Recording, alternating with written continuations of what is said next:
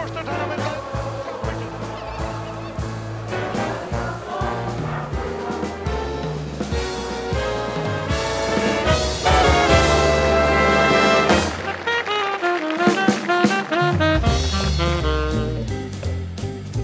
Gåan der og gåa Ola Olasøkø. Vi sender beinleis fra Ola Søke og godstjenestene, sannsynlig under tinghusen etter godstjenestene, da løgtinget vil jo skjedd, og løgmaur for at halda sina årlige røvå. Vi sender på en leis bæge i utvarspe og sjønvarspe, og æsne vil jo teknmalstolka av hjemmasøyne kvf.fo. Og i år verur til Ove Brim, søknarprester og nedsøknar prestakjalte, som fyrir prædika i dømkirkene. Skibanden er tann, at det er tann eldste, at han mun yngre presten som prædikar av Ølasåke. Ove, han var prest vukter i 2015, ta han tåg vi kattel noen som søknar prester og innes søknar prestakjalte. Og prestakjalte omfattar Fredrikskirkjena av Tofton og Gøto kyrkje. Og det er bøyrøy å få møvelagan at prætika av Ølasøke, tog nuttjo prestar er i bøyerøyni at prætika av Ølasøke. Vi suttja nu skrugongna gjerra seg til røyar, og så som vi suttja så er skrugongan kipa som vanligt. Hon er i Trimon Røvun, vi løkmanne, løktingsforskvinne og biskopet fremst. Og hetta hever veri kipanden så gjerne 1998. Sivenja er øysne er at færre vi ikke til gonke for en klokkan ringer og i havnar kyrkje. Og nå sier jeg løktingsforskvinnan, Det er en brøyting, og kommer i gilde ut det. Og i til ut det hever starvshøyde ved løgtingsformaver, utan mån til Kien, som sitter i embedden Men fra og i det, den 22. juli 2023, er jo starvshøydene løgtingsformaver, et eller land løgtingsforskvinna. Og som vi sutja, så er det til at Gjæs til Røyer, leie er godt, bispus er ute å fortelle eina gaua, og utgjør løgtingsforskvinnan klart. Klart. Det er Jonar Klettetj som hon tossar vi. Om Ola søker vekkere, så er det sida at det har vært sera vått og kjær, og en stor anpast av kvölden og øysene. Så hoksan han er at fløyre føres klei henger opp i torska nu, og vevnande vil at det er noe lunda torr til dagen og i det. Om vekkere sier danska veverstovan at atten er estan, og søtten i hakkar han opp i landring. Vindferen er om 90-20 meter om sekunden skutja og tam, etla mjørstje og regn er på am. Og så er det bare vevn at ikkje ikke fer at regna, som han, og han heldte seg til tam og mjørska. Som av sagt, så sier det at det er løkmaver, løktingsforskvinna og biskoper som genga fremst, og at han har teg genga så løktingslimer, landstyrsfolk, prestar og embedesfolk. Så gjennom 1958 hever skrugongan veri kipa og i trimon røvun. Det er løgtingsforskvinnan som gonger i myene, høyre myen hana gonger løgmaver, og minstre myen gonger biskopur. Og legger til merkes at nye natter ur kyrkene gonger løgmaver vinstre myen, og biskopur høyre myen løgtingsforskvinnan. Og nå har vi klokkene færre rinja ringe i Havnar kyrkje, og i domkyrkjene. Og hittar vi at av mine føreske klævnene, så kan jeg til stortlager nevna at klæene tjan Axel V. Johannesen, løkmannen, at her hever uh, svigarindansere, hon hever Astrid Johannesen, hever Seima og Brodera Vesten, Bjørk Justesen og i Nordepli hever bonde Trøtjena og Håsenar, og Johanna Kristina Jakobsen, Sala, mamma Steinbjørn Jakobsen, fyrvrande borgarstjøra og i Klagsvik hever Gjørst Buksenar og alt ditt. Kleine ikke løkmann er jo 25 år gammel, og Aksel er kanskje en av de mannen vi kan bredja seg av at han passer til enn. Og ledja vi dødsel merke til Bjørn Samuelsen, kleine ikke løktings forskvinne, så hever kjenta vevkonan Paulina Johansardøtter vove tøye til kjørste, torre klei og fyrre klei. Kleine er grøn, og botten lider inn svarster. Og i fyrre klei og torre klei hever bjørst finnes jo på linja veva en liter av føreskånd blåmon, lilla børskobenta, akoleia, sølger og græs. Og hitja vet at vi er at om føreskånd klaunen kjam bjørst, så hever på linja østene lita tekve til søtjena, som Miriam Karlsen hever bunti og til evna. Av høyre hånd berer hun en ring i silvere, i større sølje av fra gittstove, og ringen fikk hun i bjørst i gave fra vinkonen til han gjøres løgtiks forskvinna. Og armringen hever Thomas Arkesalde, gjørst. Øysten er nekka særligt vi bjørst at hun berer en norskan håndgjørtan knuiv til kvinne Bona. Knuiven fikk hun fra mannen til soner var føtter, men knuiven er ikke båren vi inn i kyrkjena som er gammal sier. Øysene Berur Bjørst, bjørmerskje til løkningsnå som lyder Brinko-merskje. Og vi kan øysene legge til merskjest biskops kapna som biskoper gonger og i. Det er såleis at biskoper hever trutjar kapur av velja i middelen. Han kan gengu i denne kvite, denne grønne, etla denne giltare biskopskapet vanliga gångran ut i gilte biskopskapen och titta nutjasta fra 2013, men att jag väcker är så vått så har han valt här gröna biskopskapen. Hon är våven och tåler kanske bättre den föreska veverlägen. Biskopskapen hever Allan Havstel Mikkelsen teckna, Tida Winter hever våvekapen och Mona Jensen hever Seima Hena. Och spännande hever Thomas Arke gjort till kapen. Nu gnaskas dig domkirkene, Havnar kyrkje, og sier skal om Havnar kyrkje at uh, hun er uh, fra 1600 og 8 fors, og jeg halte selv om man skal legge til merkes da man kommer inn i kyrkjene, til er alt der altarklægen. Det er særligt altarklæg som hever finnje høyde Ola søkerklæge, halka ur forum hver fyrja land. Edvard Fokle lista meg over hever snidgive og er hosgåte til verskje. Mynda evne er Olaur Høyleie og litnar minna om tøyr i merskjennom. Hetta særlig alt klæje er et antipendium, et voveklæje som hunker nye fyra trutja svojinar av alt er noen. Og alt er klæge vil er særlig brukt til hatjaløter, men er særlig Ola søk og klæge. Nå narskast de kyrkjene og klokkari og i det er Anna Sofia Restorff, og dekner er Marius Rein. Marius er eldste dekneren som er i kyrkjene, han skulle færa fra i er Øyne Forsar, vi er dekner i 15 år, men sitter i kyrkjerne og i mange herrens år. Marius Bærs Jontan, men jeg tror at han måtte tørn i år, til så det genka at skiftas om over dekner, så fikk han mulighet at vi er dekner i år, det tok han av.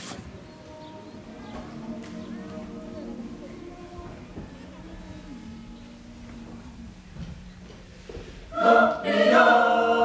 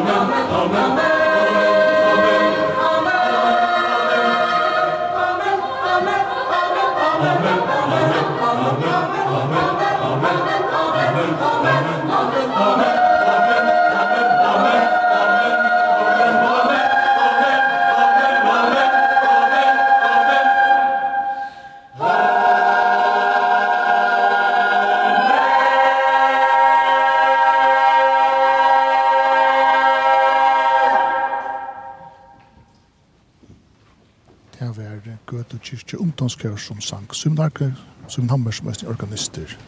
Læt om åkken øll bia. Herre, er innkomne etter heilava hustøyt at høyra hva du to, god færger skapare mun, du Herre Jesus frelsare mun, du gove heila i ante. Unkare mun, og løyvi og deia, vil vi med tala. Herre, Åpna tunne såleis, vi tunnen heila av anta, fyrir Jesu Krist skuld jarsamut, at jeg av året tunnen kan læra at berenker og syndemunnar, og i løyvi og deia at trikvo av Jesus, og kvann det og i heila av løyvi og levne av batna. Ta høyre og bøn høyre god fyrir Jesus Krist. Amen.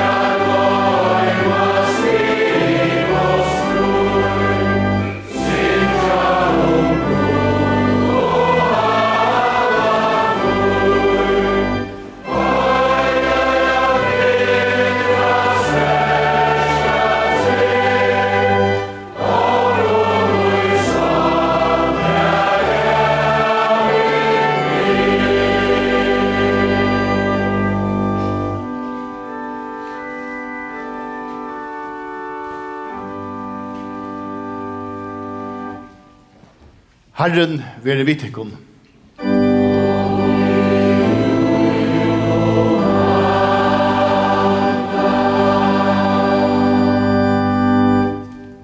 Lært jokken at bia.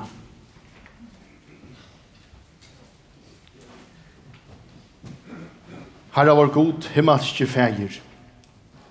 Vi takka til herren, tog at du gavst Olav og konge, nøye og kraft, til at seta opp krossmerkje mittlen folk okkara, og at grunda tøyna høyla og kristne kyrkjo her i heimlandet okkara.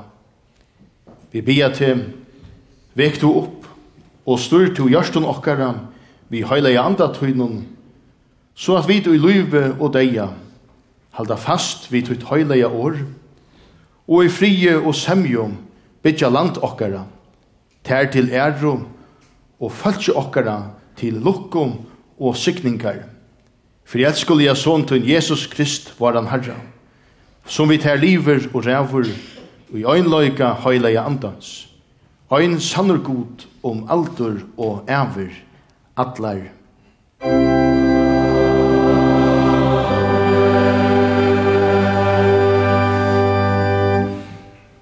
Epistelen skriver Jakob Apostel i 1. kapitlet, vers 12, og etter ljøver i Jesu navne. Sælur er tann mevur som heldur ut i frøsting.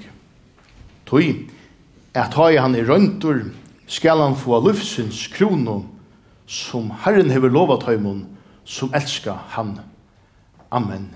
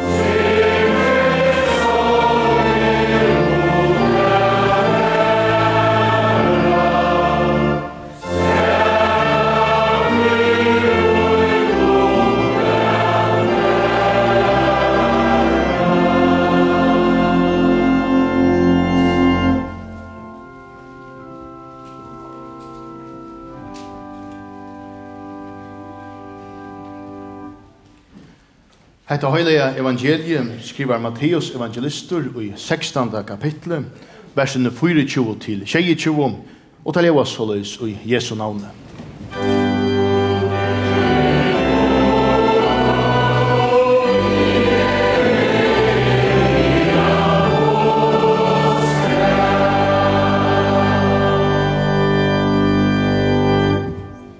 Ta sier Jesus vi læresvøyner, søgner, vil nekar genga at han er er. Ta av nok til han sjálvan se, og tætje opp krosshøyn og fylgje mer. Til at han nu vil bjerga løyvesøynun, skal missa til Men han nu missur løyvesøyt fyrir munnar sætjer skal finna til Til kvært gagnar til manne, om han vinner atlan høymen, men må bøta at du fire vi salsyne. Etla kvært skal mevor djeva i virlem fyrir salsyna.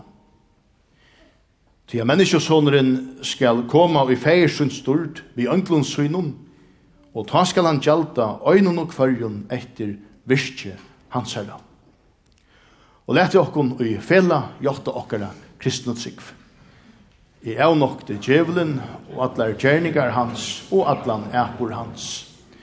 Jeg trykk vi av god feir hin alvalda skapare himmens og gjerrar.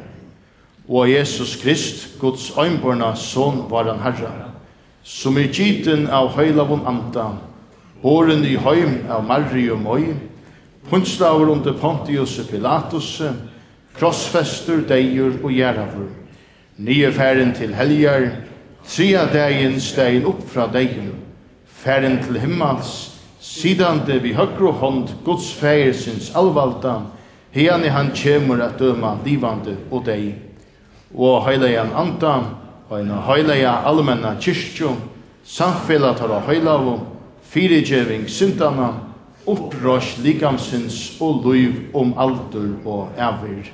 Amen.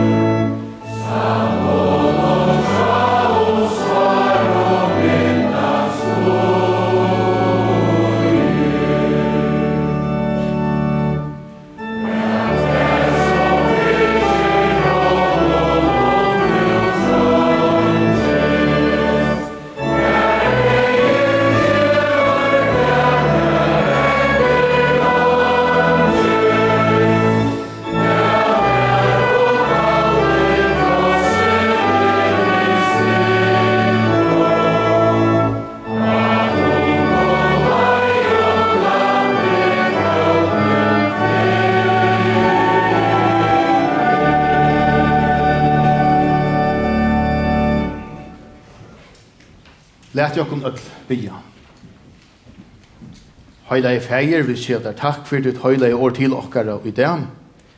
Årtutt er samløyke. Lætt jeg lyse okkom vegin til samløyka og til salom. Amen. Gau Gaua Ola søkko. Gaua Ola søkko, alt som. Mengur sier fra Ola og kanskje, og hever ikkje seg han.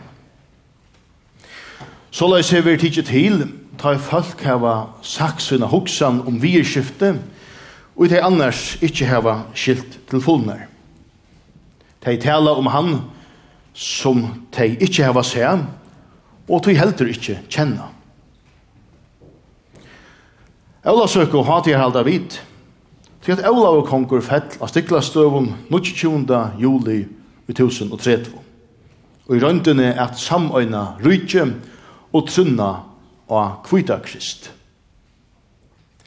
Ari etter deia sunn var Olavur skuldur helgemennin, og vi deia hans søra, og ikkje minst grevar fyr, våru ikkje så foar der hendingar, så maliskan, som er byrja i vi, mengur sier fra Olavur kunnkje, og hever ikkje se han, er ikkje ur leisom loftet. Men etter året tekje som jo er nytt og i flottare mersking. Kan det òsene vera en lysing av kristne trunne her til åkken? Her var to og er verilig finne vi hvor Jesus er og fæta hva hans er avrik er. Etla kunde det kunde hetta det samme ljøa menkur sier fra Jesus og hever ikkje se han. Gudstjenester og halgarfunter ber saktans til at heva, skipa fire, medan han som alt snur seg om, korsene er settur utanfyr. Hetta falskje er med vi vörren. Men hjertet torra er lengt borte fra meg. Så leis leva av Jesu år, iver innan tømo godstyrkanina tja religiøso elitene ta. Vi tar er jødlo for at vi er verro vi henda vanta øysene tja okkom. Tu veri Jesus Kristus hilden borste fra og gjønner armslangt. Ta spurninger om han iver høver er her, etla tryggvinn. Jesus sier at hetta er hitt evige lyve at tar kjenna til hin øyna sanna god og han som to sendte Jesus Krist. Det snur seg så stort om at kjenna Jesus. til øynans tja honom ligger hin evige sieren. Mange har en mening om Jesus.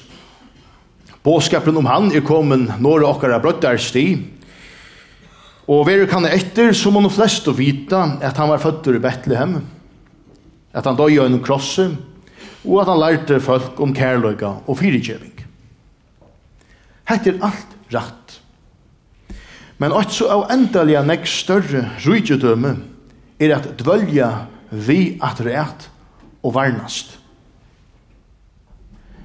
Og i det høyre vi Jesus sier, vil nekar genga at han er med, Ta av nok til han sjálvans hem og tætje opp krossoin og fylgje mer. Åren Jesus hever tala hess i år, hever han grøtt og sinne fra tøy som bojartøymon i Jerusalem.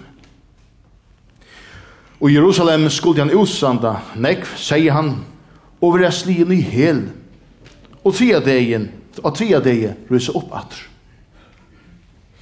tar stevna så snart vi møter krossen og heinum utanfyre Jerusalem. Her Jesus ånds og rånsmævur skal være krossfester. Krosseren er i eksjon. Her skal Jesus være dømt for det synd og i la av læresvønnen og som la av tøynen og møynen her. For framman standa til hoan lujing og vann æreligur deie krossi av. Peter av, sjekka, hatt sig kvadisten under jar. Peter apostol, han er som så ofta sjåter til årene. Han teker et motmæla. Hon damar ikkje en Kristus som skal luja og dodja. Hvor kjer det her vi hoa spyrja. Nøye til god og herre, sier Petor, og heldur fram, aldri vær der hetta fire. Han snikkar sær en frelsara til etter egnum høtte og hoa. Og halsanen som Jesus ber Petor i at det er møte, er ikkje mjuk. Vuk at det omme, Satan, tog to goar ikkje etter godsøkon men etter mannasøk.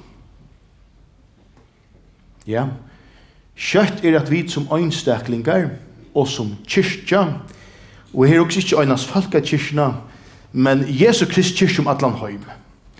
Kjøtt er at vi som øynstaklingar og som kyrkja mynda okkon ein frelsara som er etter egnon hoa. Og som hun økjon gjer han kvassare, og øron økjon linare. Jeg gjeva kanskje etter for tøyaren er truste, og tidlig jeg beie Guds år og frelsaren Jesus Krist. Men produktet er å være ta til fanøydes. Ty en frelsare og i okkara mynd er ønsken frelsare.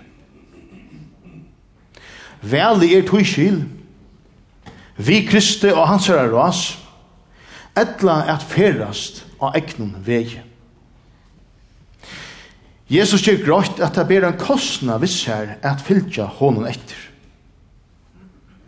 Vi varron er han er lyde fire, men hver vil genga under krossens spire er spurningren. Lagt er at vi er kristen, ta er høglet, men kjøtt er at gjerast liner i kongen ta i lyvi av smela venom ber kostna visse. Ja, men er alltid kristendom ikkje kærløyke, miskunn og omsorgan, spyrst du kanska? Jo. Og til just hans er kærløyke, miskunn og omsorgan som brøyta til gjørst og i har lært Jesus at kjenna. Tui vi Jesus er vi bøyen inn i Guds ryk. Utan mun til avrik donaskap, etta lufstøv og okkara annars. Bibelsko frasaktene er og vekkara hessa nøyt. Matteus sett vi tolvbona ein dagen, Jesus kjekk fram vi, kalla Johan, og Matteus fikk løyve til at fylltja Jesus etter. Mario ur Magdala løste Jesus fra ytlen anton, og øysen i hånd fikk løyve til at være i frelsherrens fylgje. Heita øynas tog at god er nøyvor. Ja, Paulus stedfester så klart av Guds nøye er i det som i er. Ikke grunda av egen avrik. Vil nekar fylgja Jesus, skal han avnokta seg sjolvan til er at røysast, og fylgja honom etter, som i sunnen halka anda, føyer en nutjan ho, og vilja til det som godt og gode tekjelit er. Men at jeg nokta seg sjølva, er vi helt ærlig, så er det her ångande veri godt latuin. Heldur ikkje ui 2023 nøy anbyrd og temarhalt og egnon hoa, orun og gjerun, tidsast ikkje at vera virismettar dikter og i. Heldur skal det mesta vera såløys som er vil, ta er vil, og helst åttan at kvita meg.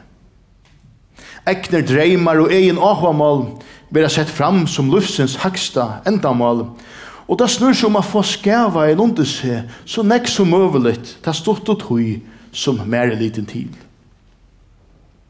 Og åttan at varnast her, vil jeg egene såleis, øynans, vend og møte egnon nalva. Men først vi vet at det ikke, så er det framvegis sælare at djeva enn at få. At jeg nokta seg sjølvan, er at lytta egenon fra egnon nalva, lytta at Jesus som er givet okkon alt, og visa egen diskanene av dyr. Og såleis at heka av seg den halka og sykna jeg gjerning til er at fylkja Jesus og at sitta nastan fremst. Og nasten til det ryko, og så til vi lytte i øya. Til det med utluttel og ans og teg djørvo. Til det føringar ans og fremmand. Til det som suttja skuld deian, ans og teg luttlo som enn ikkje hava se dagsins ljós. Ja, öll, öll somul eru okkara naste. Fyrir tøymelige loter er kjøtt at gløyma tar avgjum. Retoriske spurningrin til Jesus Jeg var tøyskil, hvert gagnar til mannen, og man vinner allan høymen, men man bøte at det fyre vi salsvinne. Og i sørste enda ånds. Du kan øye alt, men for å glede av hvor vi alle er over, det er åndsen sier. Hine inn, så kan du i seg om åndse øye, men øye frelsene i Kristus, og tui øya alt og ervian sigur. A seta seg sjálvan til viks er herskjen bite. Men ui hesu liggur bei stor sikning og størst fralse. Sikning tui ønske er større og betre enn at hana gode og medmennesken. Vi kærløyga, tui gjerst tu ta, ta livet tu sansverande lufskalle tui noen. Og fralse, tog at sanna fralse er så løye til enn jævar, at vera bunden til Krist. Ongen okkara er nevnlig fralsur, i merkingene at vi er utan, avvirsk, utanfor avvirskan av nøkron som helst. Når jeg er i bunden at omkron spurningren er bara kvarjon. Thomas A. Kempis spyr i 1400-talen og i ritenun de imitatione Kristi såleis. Kui øytast tu at heka opp krossen som er inngongden til himmelrujtje. Og i krossen er frelsa. Og i krossen er vernt med det futjendom. Tek hui til kross og fylg Jesus og du skal genge inn til et evige løyve. At bera krossun er at gjeva fra sær egnar, dreimaner og troaner, og fylgja frelsaranon her han løyer og void best. Ja, og neiot at fylgja honum ui deian. Tøyt han er missi lusut, fyrir Jesus hætjer skal finna det. Og igjen hetta ljóar kanska i besta føren som gauar atlaner, og i ringasta føre som tekve strui vi samanbitt noen tonnen. Jo, rakt er at helan er om staur år og strui, ta ta omræver at fylkja frelseren noen etter. Men legg til merkes, er styrkjen i struinum finst ikkje i egnon mått. Nei, til vi er suttja og kjenne han som sjolver bær kross vi tåle, at styrkjen og frymå finst. Og krossen om sørst til skaparen valdande, alt valdande god, er våpna djevelen og herradømmene i Jesu høyme. Her lærer du Jesus at kjenne. Her sørst du at Jesus Kristus har tidsi tøyndøm av seg. Vi Kristi av krossen er tutt og mutt skuldabrev nevneliga strika. Sindaren er bira og kvarskatek, kvarskatek, bort. Sindaren er bira er løgt av Jesu herrer. Og hever to å se hetta, så erst du ikkje langer tan samme. Jean-Marie Lustiger, erska biskopur i Notre Dame i Paris sier i 2005 fra en er i hending. Og i 1935 hadde trutje dronjer sett hver øren stevnum utanfor en er kyrkjum og nå elbjava av tar hver øren. Henda dagen skuldet har færre innar i kyrkjena i bygdene sessast i skriftastolen, og her at jotta fyrir prestunum allar hugsande og auhugsande synder. Tar bare fiston, sett oss til skriftastolen, jotta og sina synder og runn og flennande av sted. Sujan er vært hinn trije, Aron og en jøte. Etter luttlare løtum, sier presteren, som nu har jeg skilt dronjalåtene, takk fire, heiter no mykje. Men alt vil jeg heva, at du gjerst fyrir få syndana fyrirgjøving. Han pøyga i dronjalån og en standmynd av en krossfesta Jesus. Og presteren sier, fer innar i kyrkina. Gakk fram i møte krossen Hikk vi anlite av myndene, og si så trutjarferer, er veit at du døye fyrir meg, men jeg letjer ikkje pette uida. Hei man sagt A, ja, så er òsini at sia B. Og hei man ikkje politisk. Men hei man sagt A, så må man òsini sia B. Og tog for Aron innar i kyrkina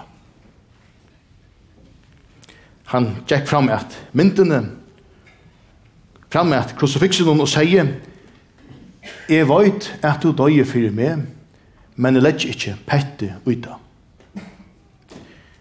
Jeg vet at du døye for meg, men jeg lett ikke pette ut av.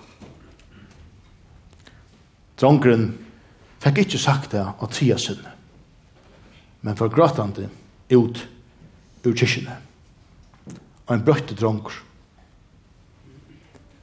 Så erskabiskopen i Notre Dame lyst lyste ikke, hei sagt for hans herre søvun, leian at seg at.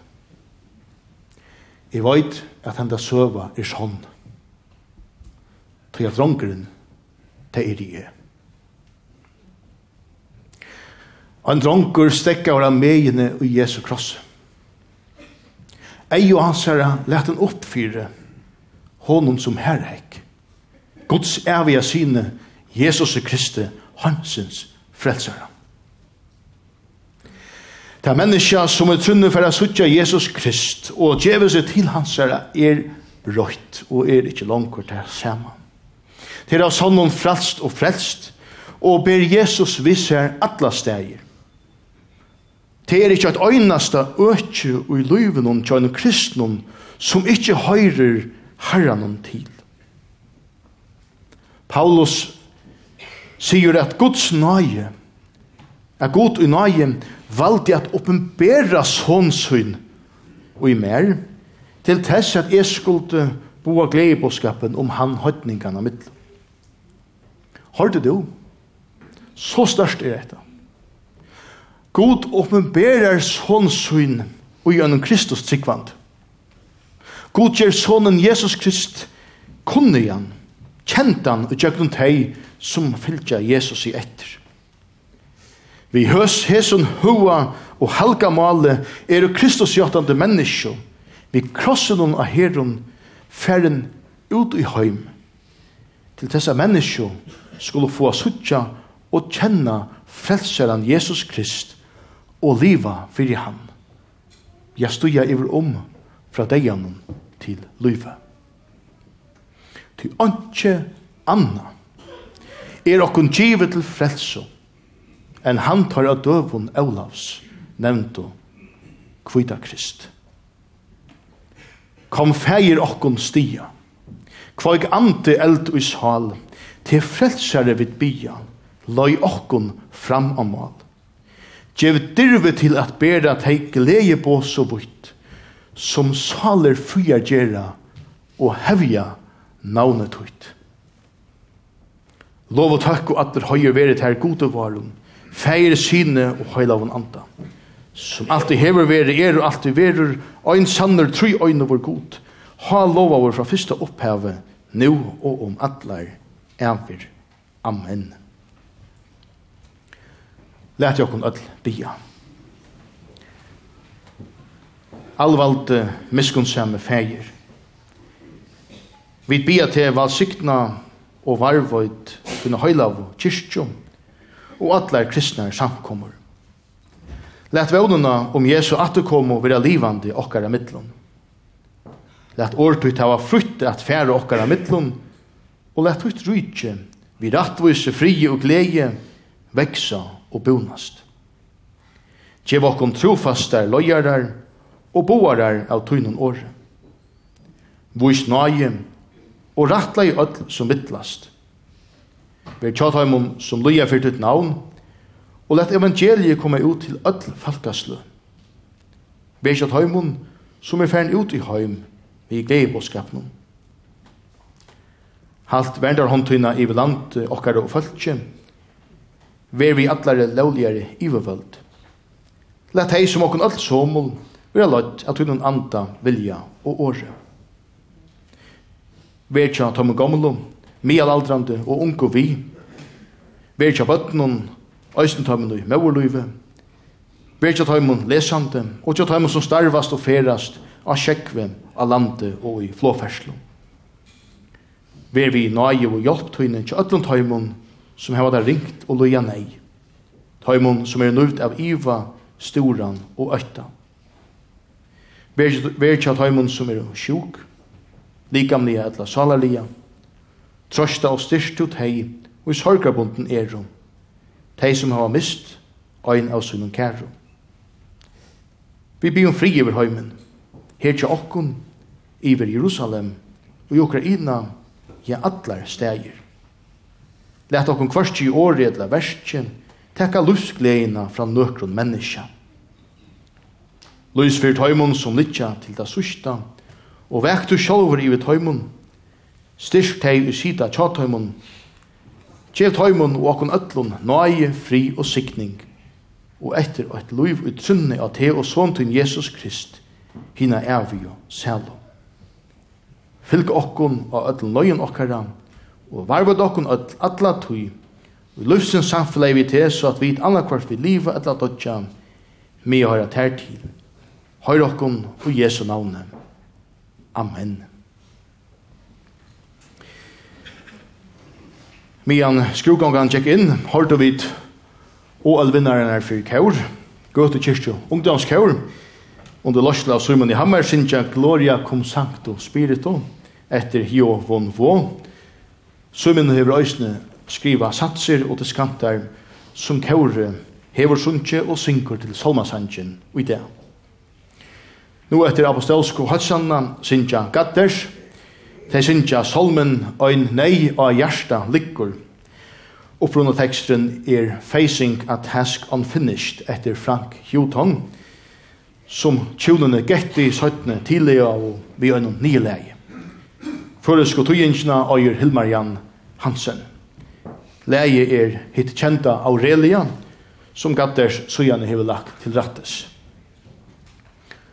Takk for i tid, Gøte Kirke og Sumen Hammer og Gatters for Lotøk og Vækran Sang. Takk Kenneth Jones for trompetspill.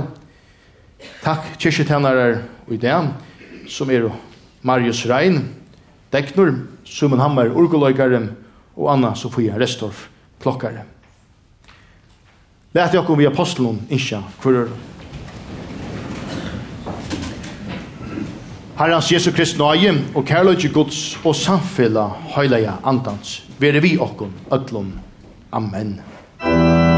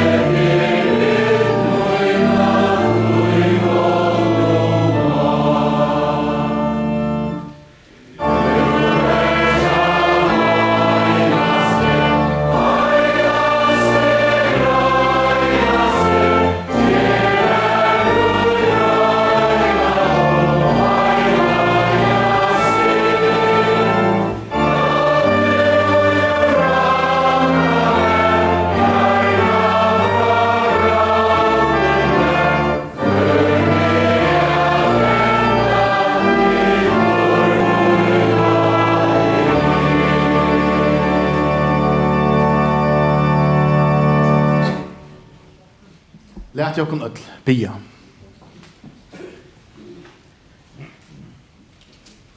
Allvalde er vi er god. Vi takkat her fyrir kvann og en friar det at du djever okkon. Vi bia til vær okkon fyrir krutje og fremmandon herradøme. Djev okkon nøye tøyna, så at vi mea liva etter vilja tøynon og gjøtlun guds øtta, og ikkje djeva orsøk til krutje etla æra eulokko løy og stor to ivervöld okkara, så at hun ikkje forar, men fremur til luttne, vi kylta ter. Til tessi at vit mea få lukko og sikning og i landi okkara, og at enda koma inn og i et himmelska heimlande. Fyrir øynborna såntun, Jesus Krist var han herra. Han som vitt er liver og rævur, og i øynløyka høyleia andans. Øyn sannur god om aldur og æver, atler.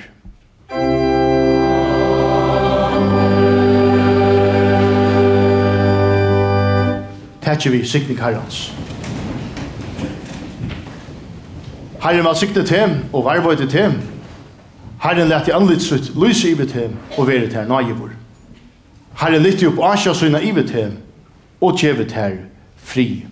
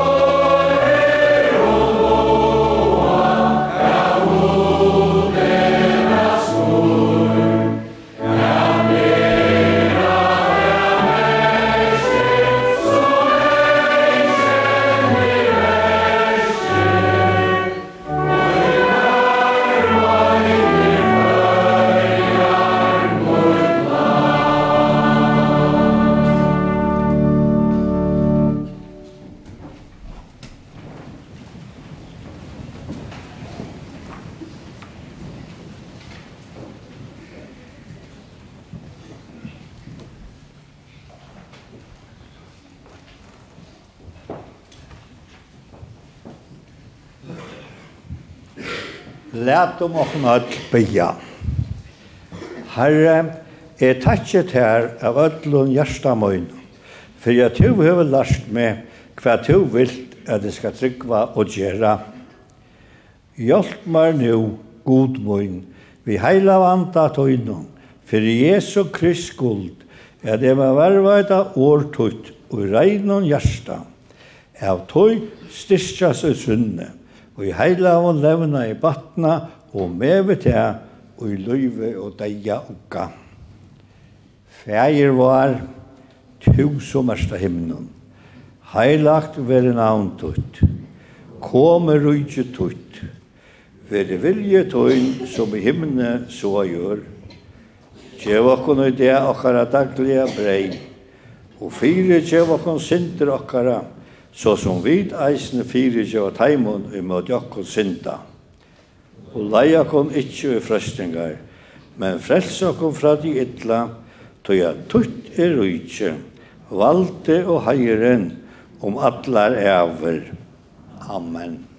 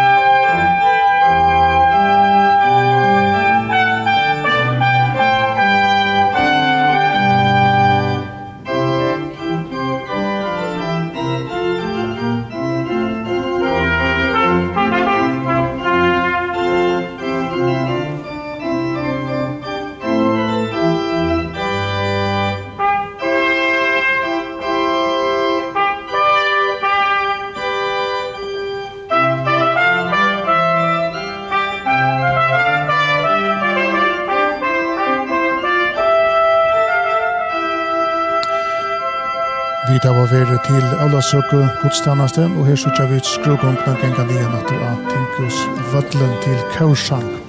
Og som vi sykja, så gonger Løkmauer Hesmein, eller biskopen gonger høyre megin løkningskvinna nu, og Løkmauer vinstre megin til Jinko Øvot og Manatter. Leggja til merskje så hever bisper og en gildan kross av brinkene, til såles at bæge færande og kommande biskopar kunne bæra biskopskross og kyrkjan øyer tvoir krossar. Undan gong og med og Jekvans handa i krossen til stiftet, ta Jekvan vær vukter. Skipanen er tann at det er två krossar, og så få byta bispanen om krossen. Ehm nu fer vi nian til sank av Tinkus Vatlnon og det såles at uh, sangeren byrja på en av veien som vi har fyrvara ta og i fjøvren av Urudje som bonusast, så byrjar det å synkja, men det er det såles til byrja ta og i lagreglamenner suttjast vi som kvitt agent i hatten om. Til veri kjøsanger av Tingosvetlund så gjerne 1930, ta var Aula Søkker kantatan tja i Vågstein framført første fyr. Jekvann Vågstein støttene i kjøren ta. Og jeg er da Taura Vestergaard som stjøtner. Hun har rønt dette avur i 2016. Taura, Taura er kandidater i sang og tøvnløyga Noms Frøye fra Musikkonservatorium i Kjøpenhavn og en kandidat i klassiskare kjørløsle fra Musikkonservatorium i Åtensund. Og Stauri er er størst. 200 og alfjers sjankare i Rødland landen synsja vi i arm. Og det er kaurkrønne for kanskje legja til merskjes at oppstillingen av kaurkrønne i arm er sin annerleis, mennene passer til noen